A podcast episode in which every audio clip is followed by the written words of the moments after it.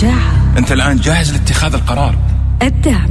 ما تكون أنت ضعيفة وتقول والله مالي حقوق ومين بيدعمني. لا لا إحنا كلنا معك. الحكمة. كلما ازددت في الحكمة كلما كنت أكثر مراقبة لتلك الأفكار التي تدور في داخلك. الثقة. إحنا ليش نواجه؟ ليش نهرب؟ ليش نجلس؟ ليش نتحاور؟ كلنا نبحث عن حياة سعيدة. والتمكين. قائد الحديث هو الذي يقود الجميع يقول اتبعوني إلى ذلك الهدف برنامج تمكين من إنتاج مؤسسة العنود الخيرية.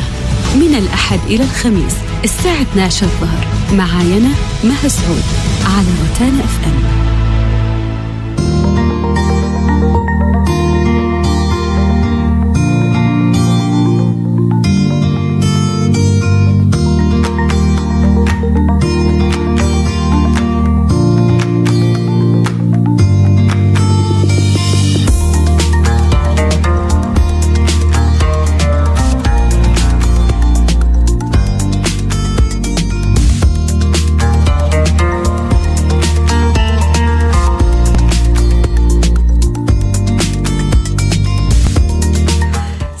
عليكم ورحمة الله وبركاته. يسعد مساكم وجميع أوقاتكم. حلقة جديدة من تمكين.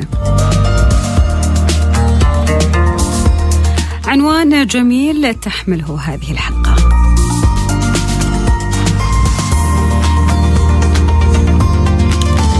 لا يقل جمالا وروعة روعة عن المواضيع السابقة أو عن المواضيع القادمة بإذن الله. اليوم عنوان حلقتنا أخلاق العمل. يمكن بعض يقول أخلاق العمل أن يكون منضبط وملتزم وأجي على وقتي وأطلع على وقتي وما أدري إيش لكن في بين السطور أخلاق جدا مهمة في العمل. تخليك إنسان منجز ومحبب في عملك ويعتمد عليك.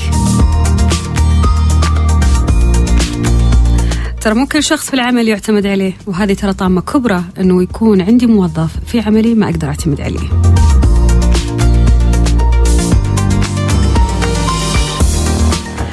حلقة اليوم من إعداد وإشراف الأستاذ عبد الله الغامدي برنامج تمكين من إنتاج مؤسسة الأميرة العنود الخيرية.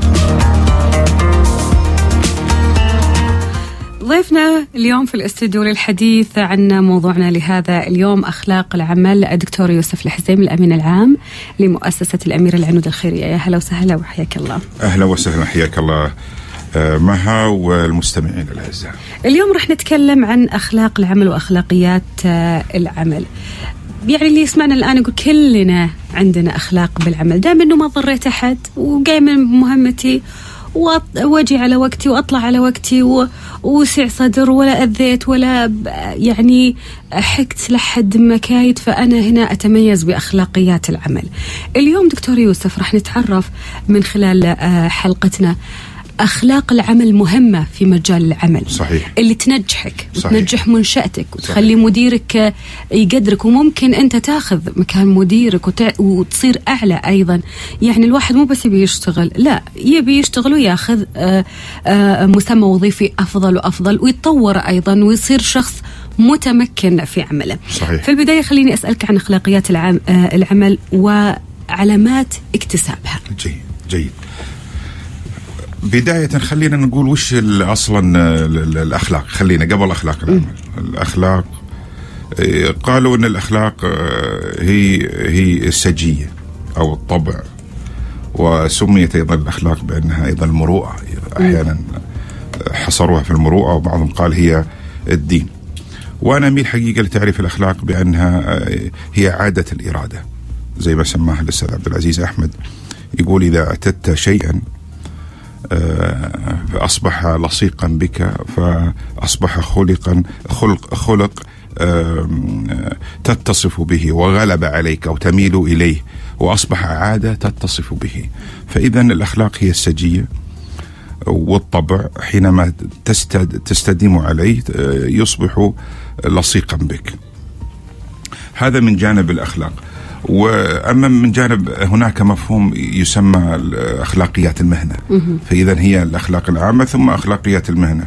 قيل أن أخلاق المهنة هي المبادئ والمعايير التي تعتبر أساسا للسلوك المطلوب والتي يعتمد يعتمد عليها المجتمع في تقييم أداء أفراد المهنة.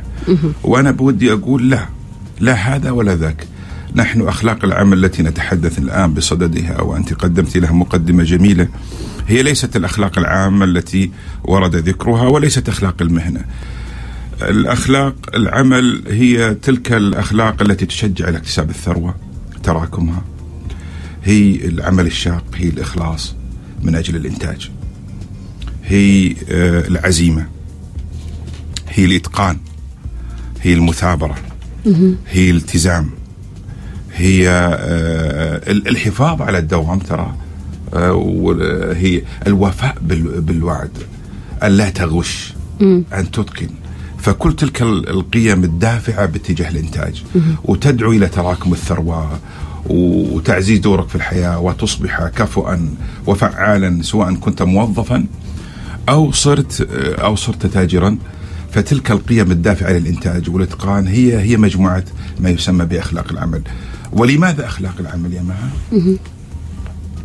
لأن حنا حياتنا 16 ساعة في اليوم. نحن مو 24 ساعة تعرفين هذا الشيء ولا؟ صحيح. من سبق تكلمنا عليه. صحيح. لأن ثمان ساعات نحن ننام. و16 ساعة. 16 ساعة منها ثمان ساعات نقضيها في العمل معناها 50% من حياتنا. في العمل. في العمل. معناها 50% من أخلاقنا. 50% من جهدنا الأخلاقي هو موجود في العمل. وبالتالي لابد نحن نرعى. ناهيك طبعا تقضين يمكن حوالي ساعتين ثلاث ساعات حنا في اليوم. في الشارع صح؟ بالسيارة صحيح. بالسيارة. فإذا إذا بالسيارة حنا عندنا آه، خلقان خلق العمل وخلق السيارة. إحنا لو أجدناها اللي خلق السيارة والطريق أنا أعتقد هنا يعبر عنها بالأمم المتحضرة الأمة تلك الأمة التي تنتج لها قيمة مضافة في الحياة. فإذا أخلاق العمل لها ضرورة لأنها تشكل أهمية كبيرة في حياتنا. لكن للأسف نحن دائما نهتم بالأخلاق خارج إطار العمل وخارج إطار الطريق. تلقانا يحلينا ويزيننا ونتمتع بالكرم. ونتمتع بالشرف ونتمتع بالشجاعة ونتمتع بكل شيء جميل ورائع. لكن خارج إطار العمل أنا ما أعرف لماذا هذا الانفصام الحاد بالشخصية. لما ندخل العمل ونروح للشارع نتحول إلى هذا الإنسان المتوحش الذي يدمر الأخلاق ولا يحترم أخلاق العمل. يعني آه، أفهم من كلامك إنه إحنا ممكن تت- تتقلب أخلاقنا على حسب المكان اللي إحنا موجودين فيه أو بعض الأشخاص. ما راح أقول كلنا لأنه بعض الأشخاص يلتزم بالأخلاق الجميلة والرائعة سواء في عمله في منزله مع أصدقائه في الشارع في الزحمة في صحيح. آه، سقط عليك هذا آه، هذا تجاوزك فأنت تتميز بهذه الأخلاق الرائعة. أيضا ذكرت دكتور يوسف أثناء آه، حديثك وتعريفك في آه، آه، أخلاق العمل وأخلاق المهنة. صحيح. وش الفرق بين أخلاق العمل والفرق بين أخلاق المهنة؟ ترى هو يعني فرق يكاد يكون آه، غير ملموس يعني لكن هو المهنة آه، عادة هي كودز يعني مع معايير آه، يتم بناء عليها تحديد يعني مدى التزام مدى التزام ال- ال- الموظف بالمعايير التي تم وضعها من قبل هيئات آه، آه، مستقلة وتحدد بناء عليه أن هذا الفرد أدى مهنته كما يجب أو لا. أنا أتكلم عن أخلاق العمل لا، أنا أتكلم بمفهوم أعم وأشمل شوية من تلك أخلاق المهنة. آه، يعني مثلا زي الادخار أنا أعتقد أنها قيمة عمل. لكنها ليس بالضرورة تكون أخلاق مهنة. لأن هذا قرار شخصي بالنسبة لك. أنا أبغى ادخر أو ما أبغى ادخر. من أخلاق العمل مثلا اللي تشوفينها مثلا علو الهمة. أن تكون محارب مقاتل ومقاتل شرس. وعندك دافعية وعندك شغف. هذه ليس بالضرورة من أخلاق المهنة. ال- الاخلاق المهنة لا, لا تنص على هكذا قيم. مثلا آه، روح الكسب النشاط الحيوية. هذه هذه هيئات نفسية وعادات نفسية ليس بالضرورة تنص عليها آه، اللي هو مثلا لا تسرق لا تكذب لا ترشي يمكن هذه من أخلاق المهنة. لكنها أخلاق العمل أعم وأشمل منها يعني أخلاق العمل أنا اللي أضعها يعني أنا آه، بعض ال- الموظفين أو العاملين يقول أنا والله مو مو هم مهم عندي الكسب أو شيء خلاص يكفيني اللي أنا قاعد إيه.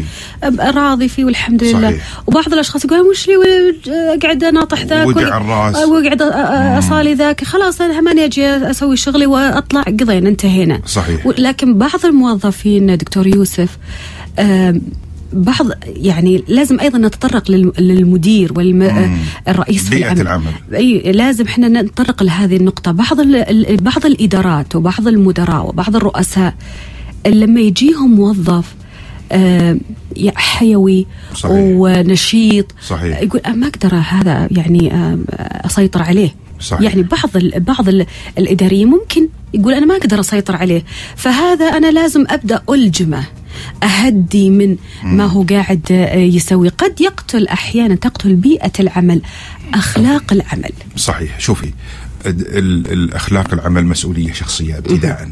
أنا إذا بنتظر كل شيء حولي يتغير أنا لن أقوم بأي خطوة للأمام. بالتالي نقول إن أخلاق العمل هي مسؤولية ذاتية. ليه؟ لأن هي مشروع حياتي. وهنا يجي ليه سألتي أنت سؤال مهم جدا. لماذا تضعف أخلاق العمل؟ لأن الناس يعتقدون أن العمل هذا للآخرين. لل- للمؤسسة التي يعمل بها بالقطاع الحكومي الذي يعمل به, بالوزارة. لا يا حبيبي أخلاق العمل تقول لك أن وقت العمل هذا وقت حياتك. هذه حياتك. يعني هذه أنت. كأنك قاعد تشتغل بمؤسستك أي بمكانك هذا ليست حياة الآخرين. ليست حياة الآخرين. بالتالي عليك أن تنظر لهذا على أنه جزء مهم في حياتك. قلنا يمكن 50% وإذا حسبت معه الطريق يوصل ل 60% وبعض. الأشخاص يجلس زيادة أحيانا والله في- حرام يا مها مثلا 60% هذه تهدر من حياتي. صحيح. في مقابل برود و... وتبلد و... وانزواء. وبعدين إذا حبيت والله آه، أضيع الوقت بالغيبة وبالنميمة وبعدين نقعد مع بعض شلة وبعدين نجيب الفطور وشوي رحت اودي اولادي يجي الساعة 12 و... أو أرجع وبعدين أعمل لي معاملة معاملتين ثلاث واربع وأمشي وأقول أنا والله كنت حاضرا بالجسد. حضور الجسد هذا لا يعني أنك تتمتع بأخلاق العمل. وبعدين يروح يصلي والصلاة يمكن يقضي فيها ساعة ويتوضا نص ساعة ويصلي ذا ويمكن يتهجد بالظهر بعد مش يتهجد بالليل. وليه هروبا من العمل. لما؟ لأنه لا يفهم العمل على أنه عبادة. صحيح. هو هو يعتقد أن العبادة موجودة بالمسجد. فاذا لدينا نحن انفصام ما بين فهمنا للدين أن الدين هو ترى موجود في أماكن الدين في أماكن العبادة أماكن الصوم أماكن آه، الصدقة آه، لكن آه، ممكن يكون على فكرة شخص صالح.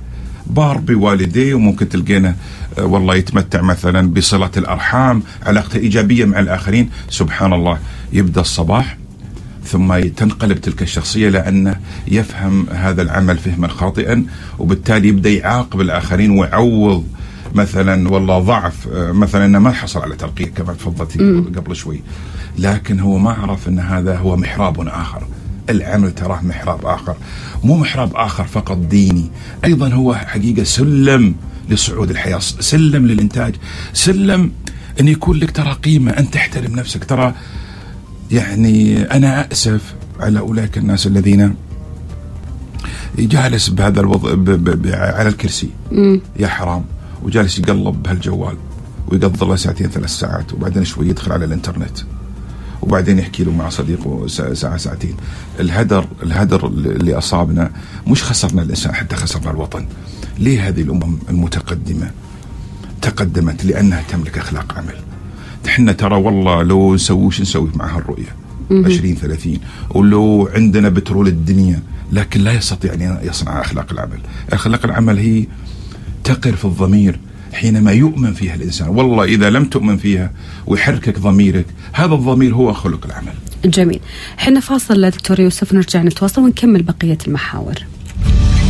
برنامج تمكين من إنتاج مؤسسة العنود الخيرية على روتانا إف إم.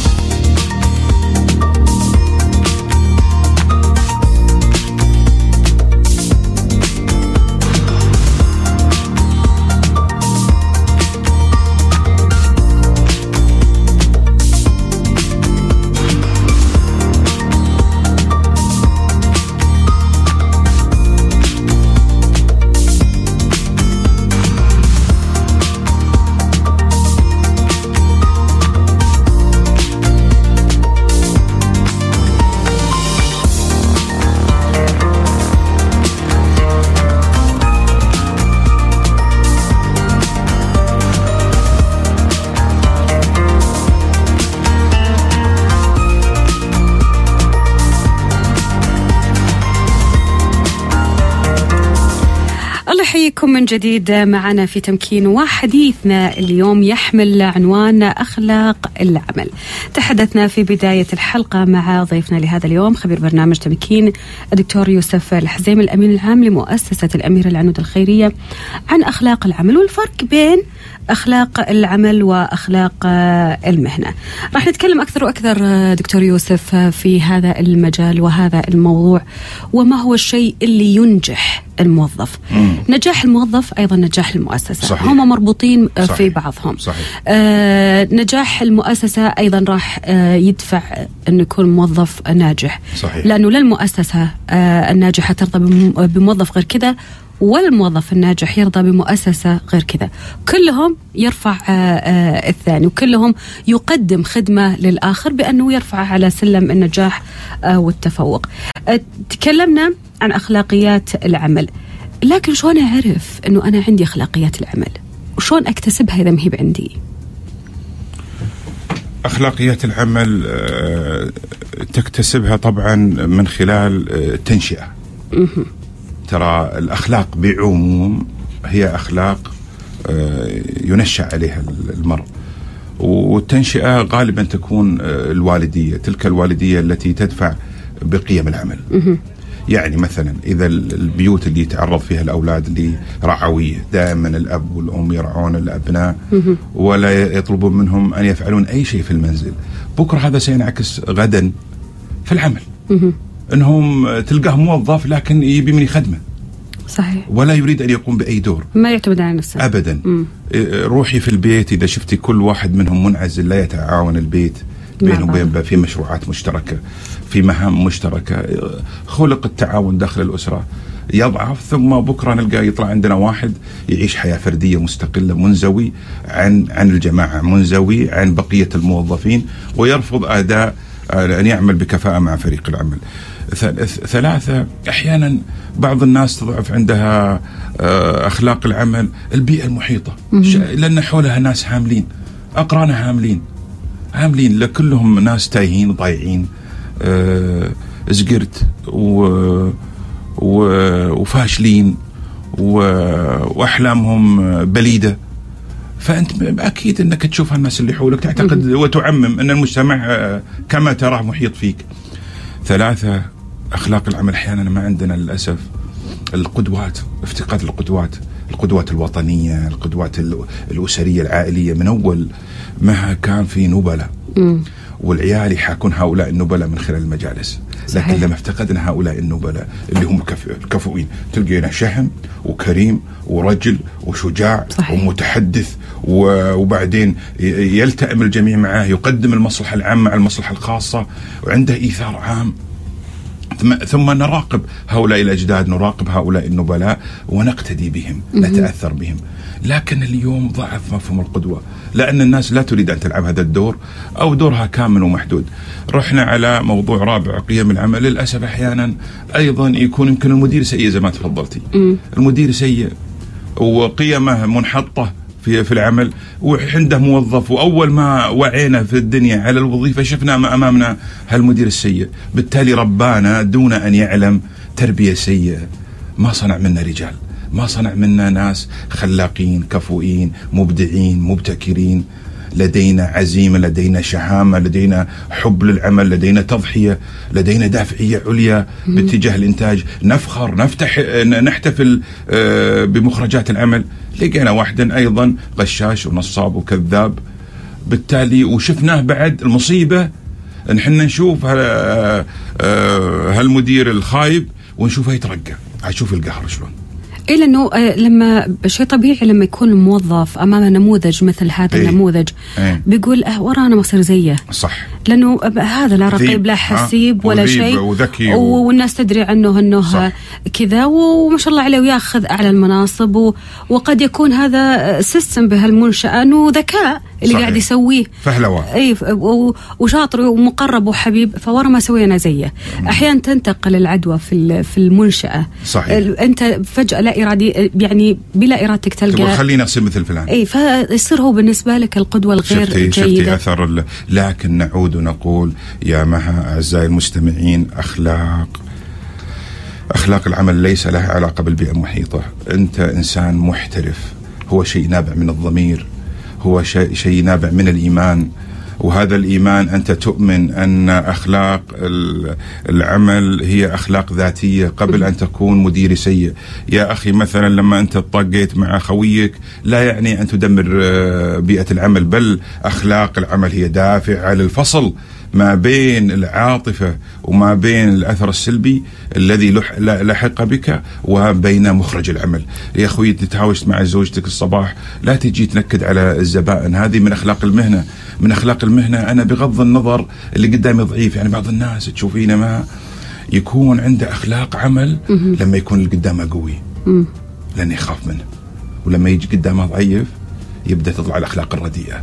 لما يجي مدير شرس ها ومجرم يبدأ تظهر أخلاق العمل لكن إذا غاب هذا المدير للأسف رجع هذا الموظف الخائب لا ترى أخلاق العمل تتسم بالاستدامة ليه؟ لأنها نابعة من الإيمان، ليه؟ لأنها نابعة من الاحتساب، ليه؟ لأنها نابعة أن هذا العمل هو حياتي وهو ضميري وهو أخلاقي التي تعبر عني وهي اللي يمكن ما تنجحني الآن على الأجل القصير لكن قطعا ستوصلني على الأجل الطويل. جميل أنت. يعني ذكرت نقطة جدا مهمة آه يعني أنا متأكدة مليون بالمية إنه أغلب الموظفين يتمنون إنه يتميزون بهذا الخلق أو بهذا التصرف. عملية عزل ما نعيشه بحياتنا العامة عن بيئة العمل. آه ما ننقل مشاكلنا صحيح. آه الأزمات اللي نعيشها الأشياء اللي نعيشها إلى بيئة العمل. عملية الفصل هذه مو الكل يتقنها. ولما ولا تقدر تقول آه، لما تشوف قدامك موظف نفسيته تعبانة يقول لك أنا والله عندي زي كذا. يعني يعني ما تقدر ما تتعاطف معاه. فبعض الأشخاص يستغل ظروفه للتعاطف آه، معه فيبدأ بطرحها بشكل آه، جدا كبير أمام الآخرين. بعض الأشخاص فعلا أزماته الخارجية يجيبها معك علشان أنت ما تلزمه بعمل زيادة أو آه، زملائه ما يلزمونه بعمل زيادة. التهرب. إي صحيح التهرب قد تكون. أداة للتهرب. أحيانا شخص هو ما عنده يعني فصل. يعني تلقاه ملخبط الدنيا وهو فوضوي دا من داخل وفوضوي بحياته. حرام. يعني يجي في المنشأة آه، وناقل مشاكله. واحد ترى وهو يشيل أيضا مشاكل العمل يوديها هناك البيت. صح صح. وت- وتصير أيضا هناك صحيح. فوضى هناك وفوضى هنا وحياتك كلها فوضى بفوضى. حتى في الشارع معصب من هنا آه، في الشارع يهاوش آه، حتى لو ما أحد آه، جاء لمه تلقاه يهاوش. فهي عملية أحيانا فوضى داخلية بهذا. ولذلك أقول أنا يا مها ليه لازم نعلم موظفينا الآن على مفاهيم إدارة الذات أو ما يسمى إدارة النفس أو إدارة العواطف. لأن كل هالبلا اللي جاينا الحين نشوفه في كل محل جاي منها فوضى العواطف. هذه العاطفة للأسف لا تدار إدارة صحيحة. وبالتالي جالسه تورث لنا مشاكل على كل صعيد. العقل العربي بطبيعته عقل عاطفي يا أخوي إذا حبك حبك ب ب ب حبك بعمق وإذا كرهك كرهك بعمق. دائما هالانكسارات الحدية في حياتنا وخاصة العقل العاطفي العقل الش- التطرف أنت دائما نعم. تسميه. والله والتطرف الشرقي تحديدا. يعني وبعدين لا هي عنده قد- مثلا مثلا بعض الموظفين الذين يعملون معي أحيانا أمدح صديقه يقعد يناظر فيني ليه ما مدحتني؟ يا أخي وش هالعاطفه ال- ال- ال- ال- ما فيك جلد؟ اصبر يا أخي هذا موضوع أنا أوجه كلامي لفلان من الناس. الآن تمدح فلان؟ آه يقعد يناظر فيك. إيه وأنا ما مريت يوما ما مثلا لازم بعض الناس لازم تسلم عليه وتبتسم في وجهه. آه اليوم راضي عني. اذا اليوم راح أعمل بكفاءة. يعني وش هالعواطف هذه اللي قابلة للانكسار هالهشة؟ ما في جلد ما فيه آه، سبحان الله آه، الجلد. إنك تعزل يا أخي عوا... رشد عواطفك يا أخي ما تأخذها تخليها ليه؟ لأنها ضايع. ما هو جالس ينظر إلى نفسه من الداخل. نحن من أين نكتسب؟ اذا نكتسب إدارة عاطفتنا وثقتنا بذاتنا. يمكن فقدان الثقة بالذات يمكن أكبر مصايبنا. والتالي ليه؟ لأن إحنا جالسين ننظر للعالم الخارجي الم- العالم المحيط فينا. وبالتالي كلما كان العالم المحيط فينا راضي عنا صارت أخلاق العمل عندنا زينة. وكلما كان كلما كان البيئة المحيطة فينا آه، لا تنظر لنا باحترام وبتقدير. طيب لا يا أخي الاحترام والتقدير ينبع من الذات. والله ما لي علاقة بالمحيط اللي فيني أنا تراني محترف. والمحترف هي قدرتي على الفصل ما بين العاطفة وترشيدها وما بين العمل. هنا يتميزون. ما هو لا- لازم أكون يا أخوي مديرك موجود عشان تلتزم بأخلاق العمل. يا أخي في غياب الرئيس ترى هي قيم في الأخير دافعه قيم إيمان بحياة بنص حياتك. وبعدين أنت ستؤجر على هذه القيم. صحيح. إحنا فاصل دكتور يوسف نرجع نتواصل مع مستمعينا ونكمل أيضا بقية المحاور. برنامج تمكين من إنتاج مؤسسة العنود الخيرية على روتانا إف إم.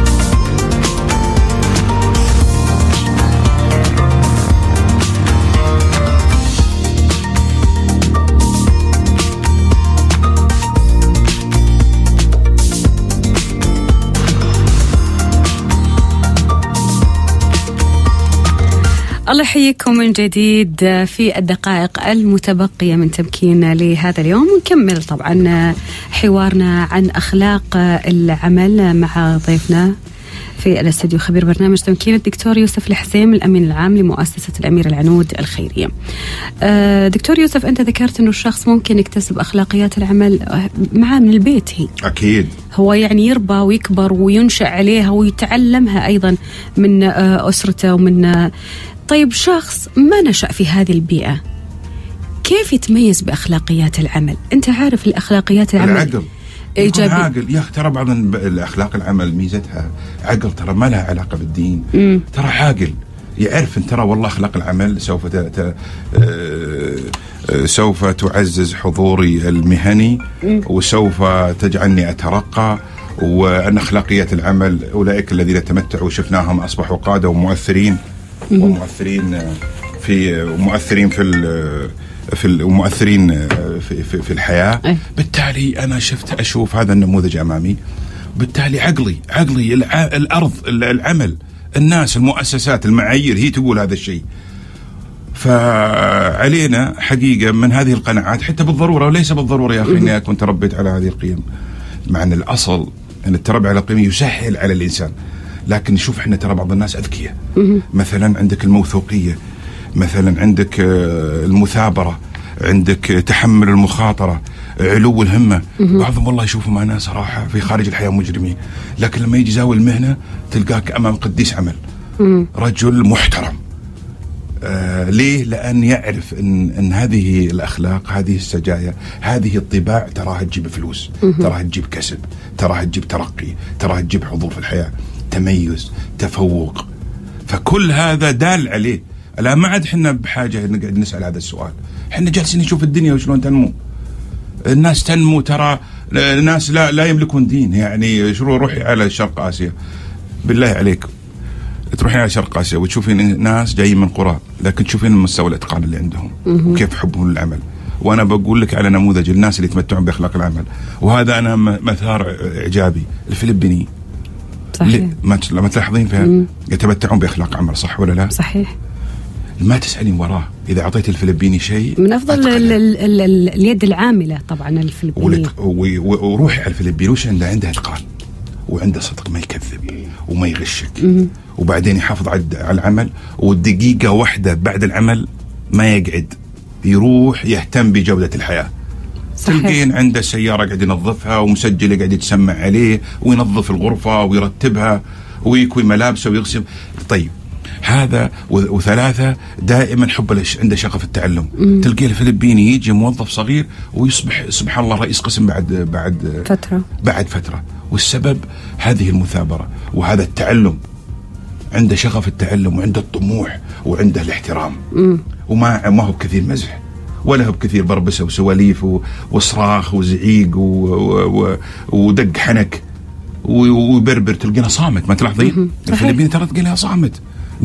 قليلين الكلام. يقول قليل الكلام معناها جرة ممتلئة. وتشوفين من تشوفين واحد صوته يلعلع هذا لا يتمتع بأخلاق العمل.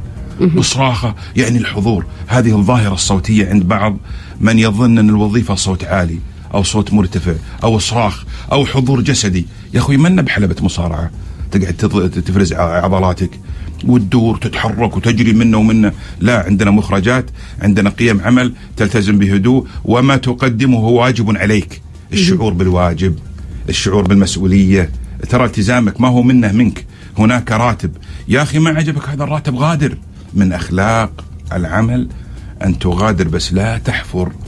لا تن لا تحاول ان أن تهدم هذا العمل ب- بخسة ونذاله من من من من من من, تحت- من تحت. تحت, صح مم. ولا لا وتتآمر وتشكل بعضهم. جيد دكتور يوسف بالعمل على هد البنية التحتية وش- وشكل لوبيات لوبي صحيح. يعمل لك لوبي منه ولوبي منه ويضغط على ذا وذا بعدين تلقينا 70% جالس في عقل مؤامرة والله العظيم أنا أشوفهم بعضهم يا حبيبي جالس؟ وبعدين ما في أذكى منه لما يجي يتآمر.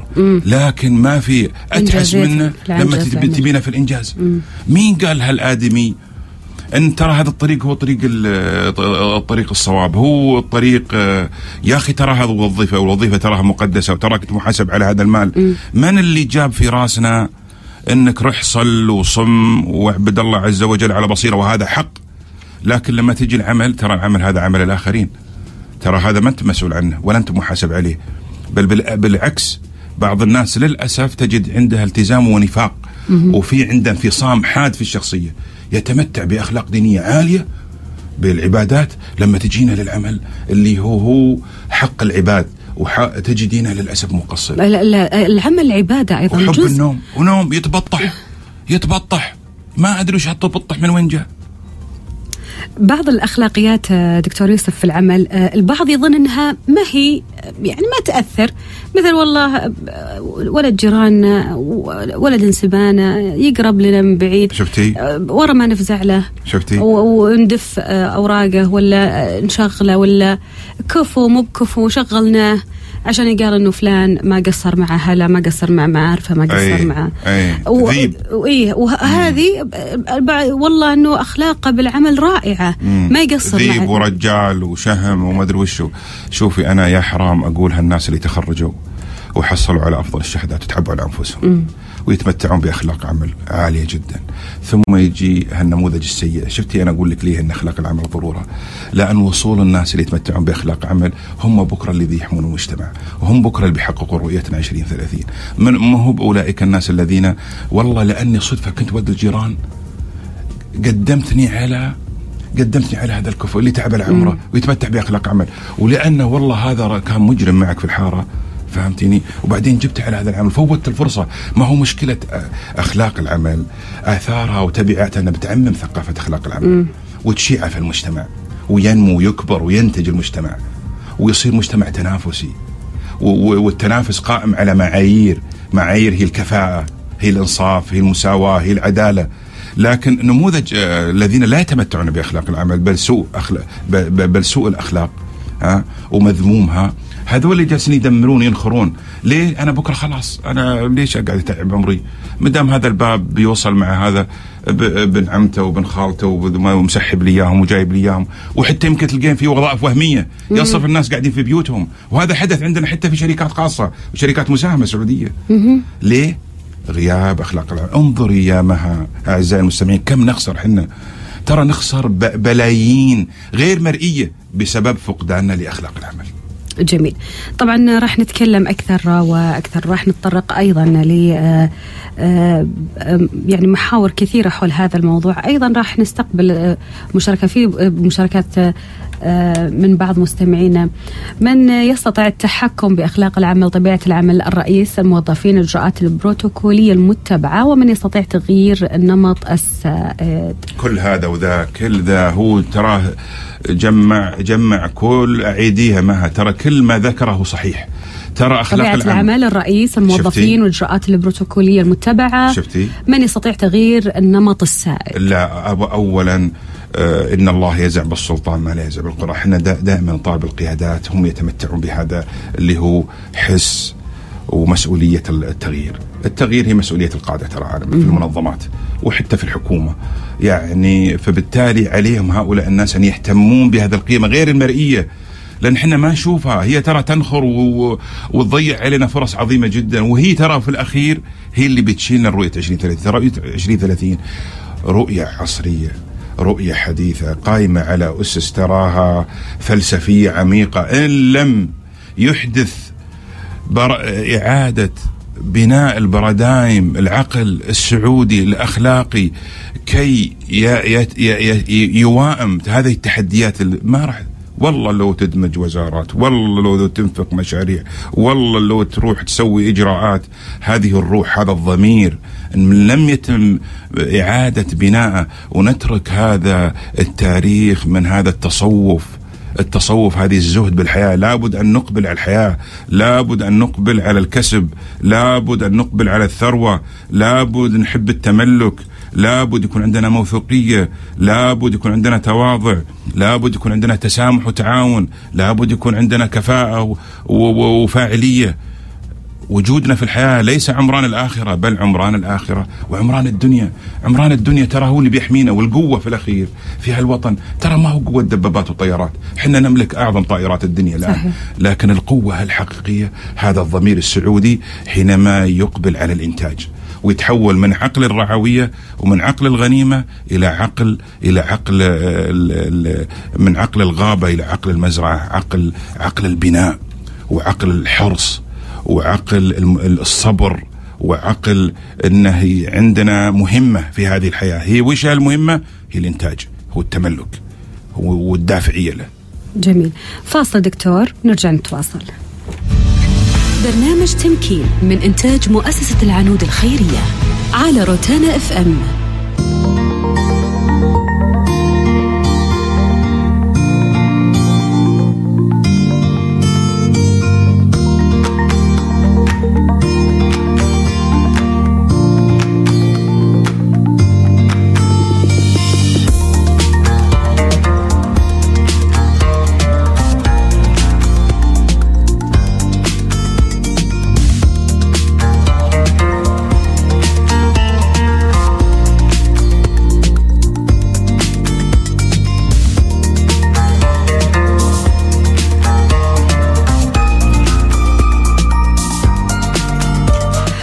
يا هلا وسهلا فيكم معنا بالدقائق الأخيرة من تمكين لهذا اليوم أخلاق العمل. عنوان حلقتنا. دكتور يوسف في كثير من الأسئلة من مستمعينا آه خليني أستعرض أحد الأسئلة. تحياتي لك مها ولضيفك بخصوص العمل أنا موظف في مكتب استقدام. عملنا قرابة تسع ساعات يوميا وعملنا في ضغط رهيب مستمر طوال العام. وأنا أتكلم عن نفسي حريص وتعامل مع العملاء بشكل لا ولا أقصر في عملي نهائيا.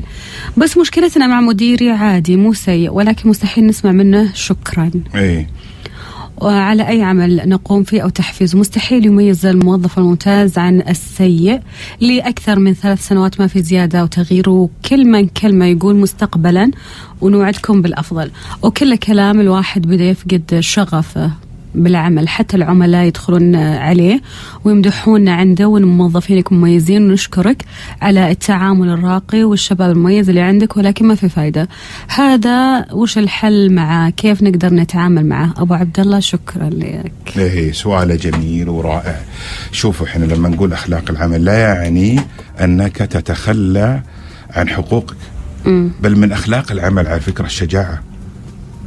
لأن بعض الناس يحدث ردة فعل يقوم يخرب في العمل. إيه.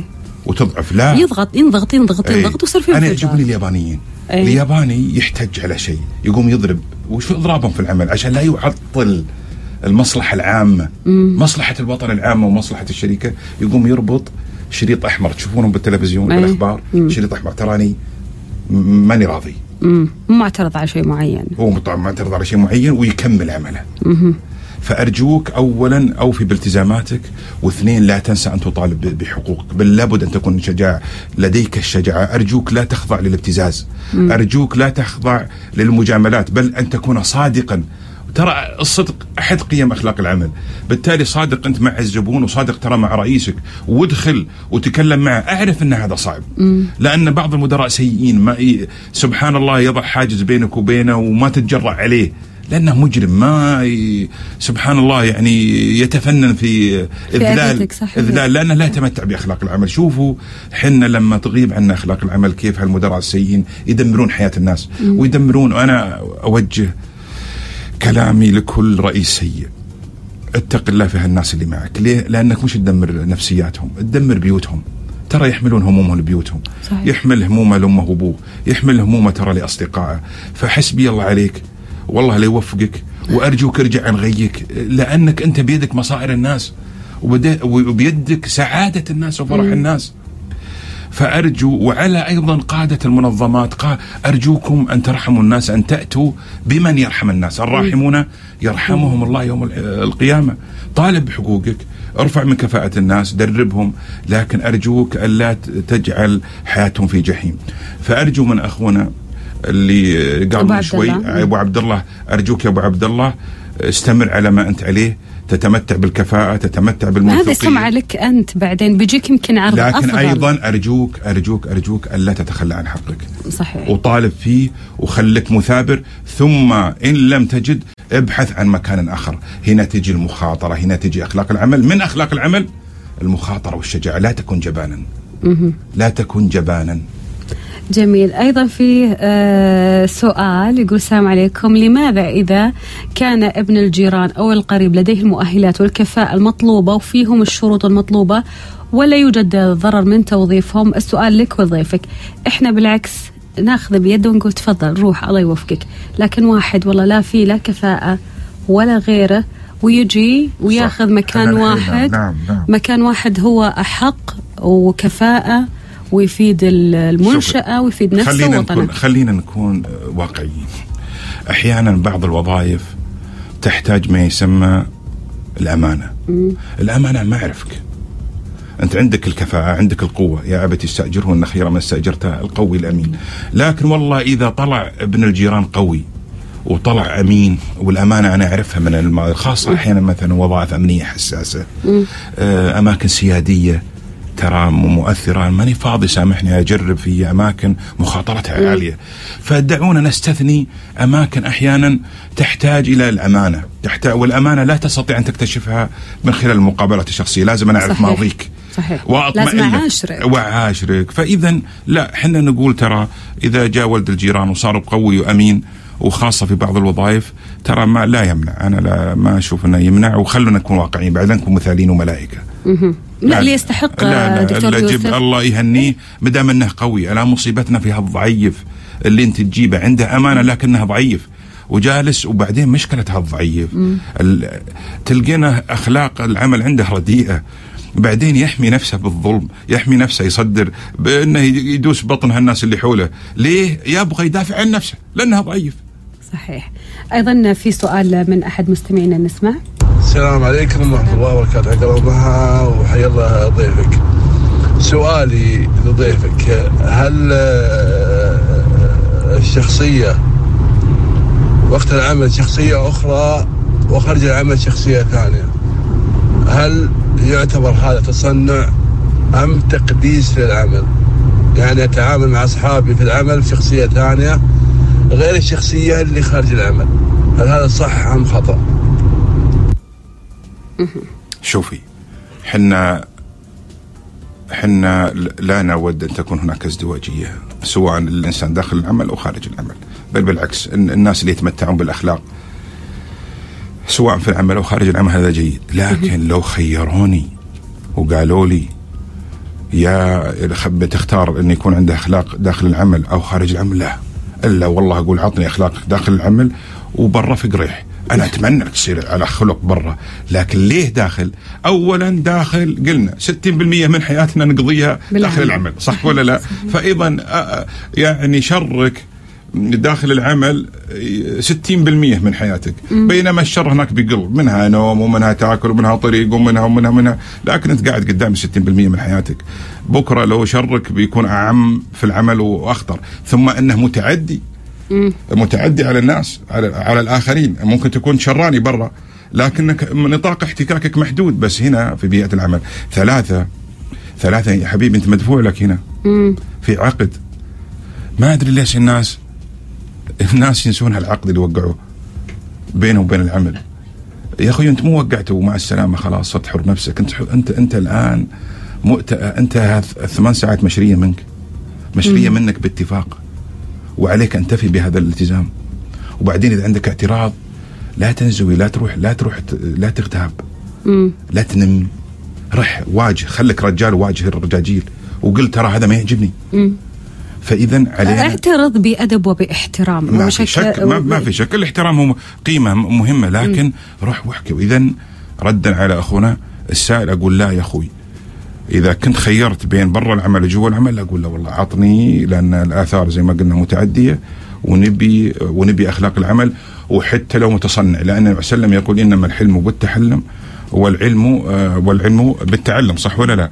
فبالتالي علينا لا يا أبوي بالعكس تعال تصنع وإن شاء الله تصنع لأنه واجب عليك. هناك خيار آه، تحاسب عليه اخرويا لكن هنا تحاسب عليه دنيويا وأمام المجتمع وأمام آه، رب العمل. جميل. اللي طرح السؤال الأول دكتور يوسف يقول أرجو طرح سؤالي على الدكتور. يا عزيزي طرحنا سؤالك بس ما يضر. أي. آه راح نطرحه من جديد. يقول أي. من يستطيع التحكم بالعمل؟ طبيعة العمل هو, هو- الرئيس آه، آه. والموظفين ولا الإجراءات البترو- البروتوكولية والله؟ كل قولي له ترى كلامك حلو وانت فاهم. انت فاهم تراك. يقول أي واحدة فيهم هي لا هي. كلها. كلها. ترى كلها. منظومة التشريع والقوانين المرعية ال- البيئة الداخلية القدوات والرؤساء والمدراء. إحنا ذواتنا. لكن لو جي قلتي لي وش حجر الأساس؟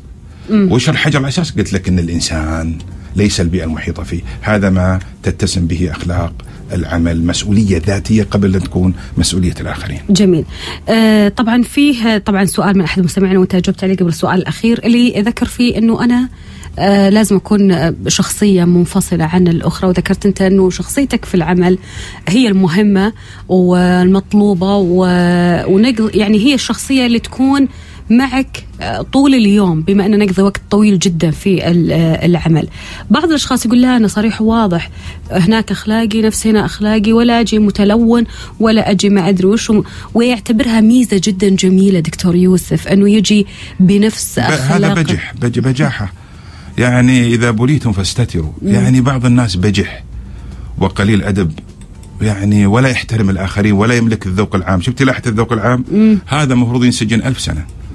لأنه بجح يعني متخلف وضعيف إرادة وشايف حاله ومغرور وخايب وغير منتج بعدين يجي برطع يجي شايف عمره شايف عمره. يا أنا أتصور ذا- ذا- هذا نوع مدلل وأمه وأبوهم صنعوا لنا هالكارثة. آه الله يهدي أمه وأبوه بس أمه هو ضايع. كيف نسقل الأخلاق كيف يمكن لنا أنه نسقل أخلاقيات العمل في الشخصية؟ نخليها موجودة فينا حتى لو ما هي طبع فينا ولكن حنا شفناها بشكل عام. ما نعلم الأخلاق المجردة في المدرسة. حنا للأسف مدارسنا منزوعة عن العمل. ما حد يحكينا عن الادخار ما حد يحكينا عن المثابرة عن إدارة الذات عن الموثوقية عن آه، يعني قيم عامة فضفاضة لكن ما في قيم المهنة ما في قيم العمل وأخلاق العمل. فإذا النظام المدرسي يا أخي لازم يبنى على أن هذا الإنسان بكرة بيروح تاجر أو موظف. وين بيروح؟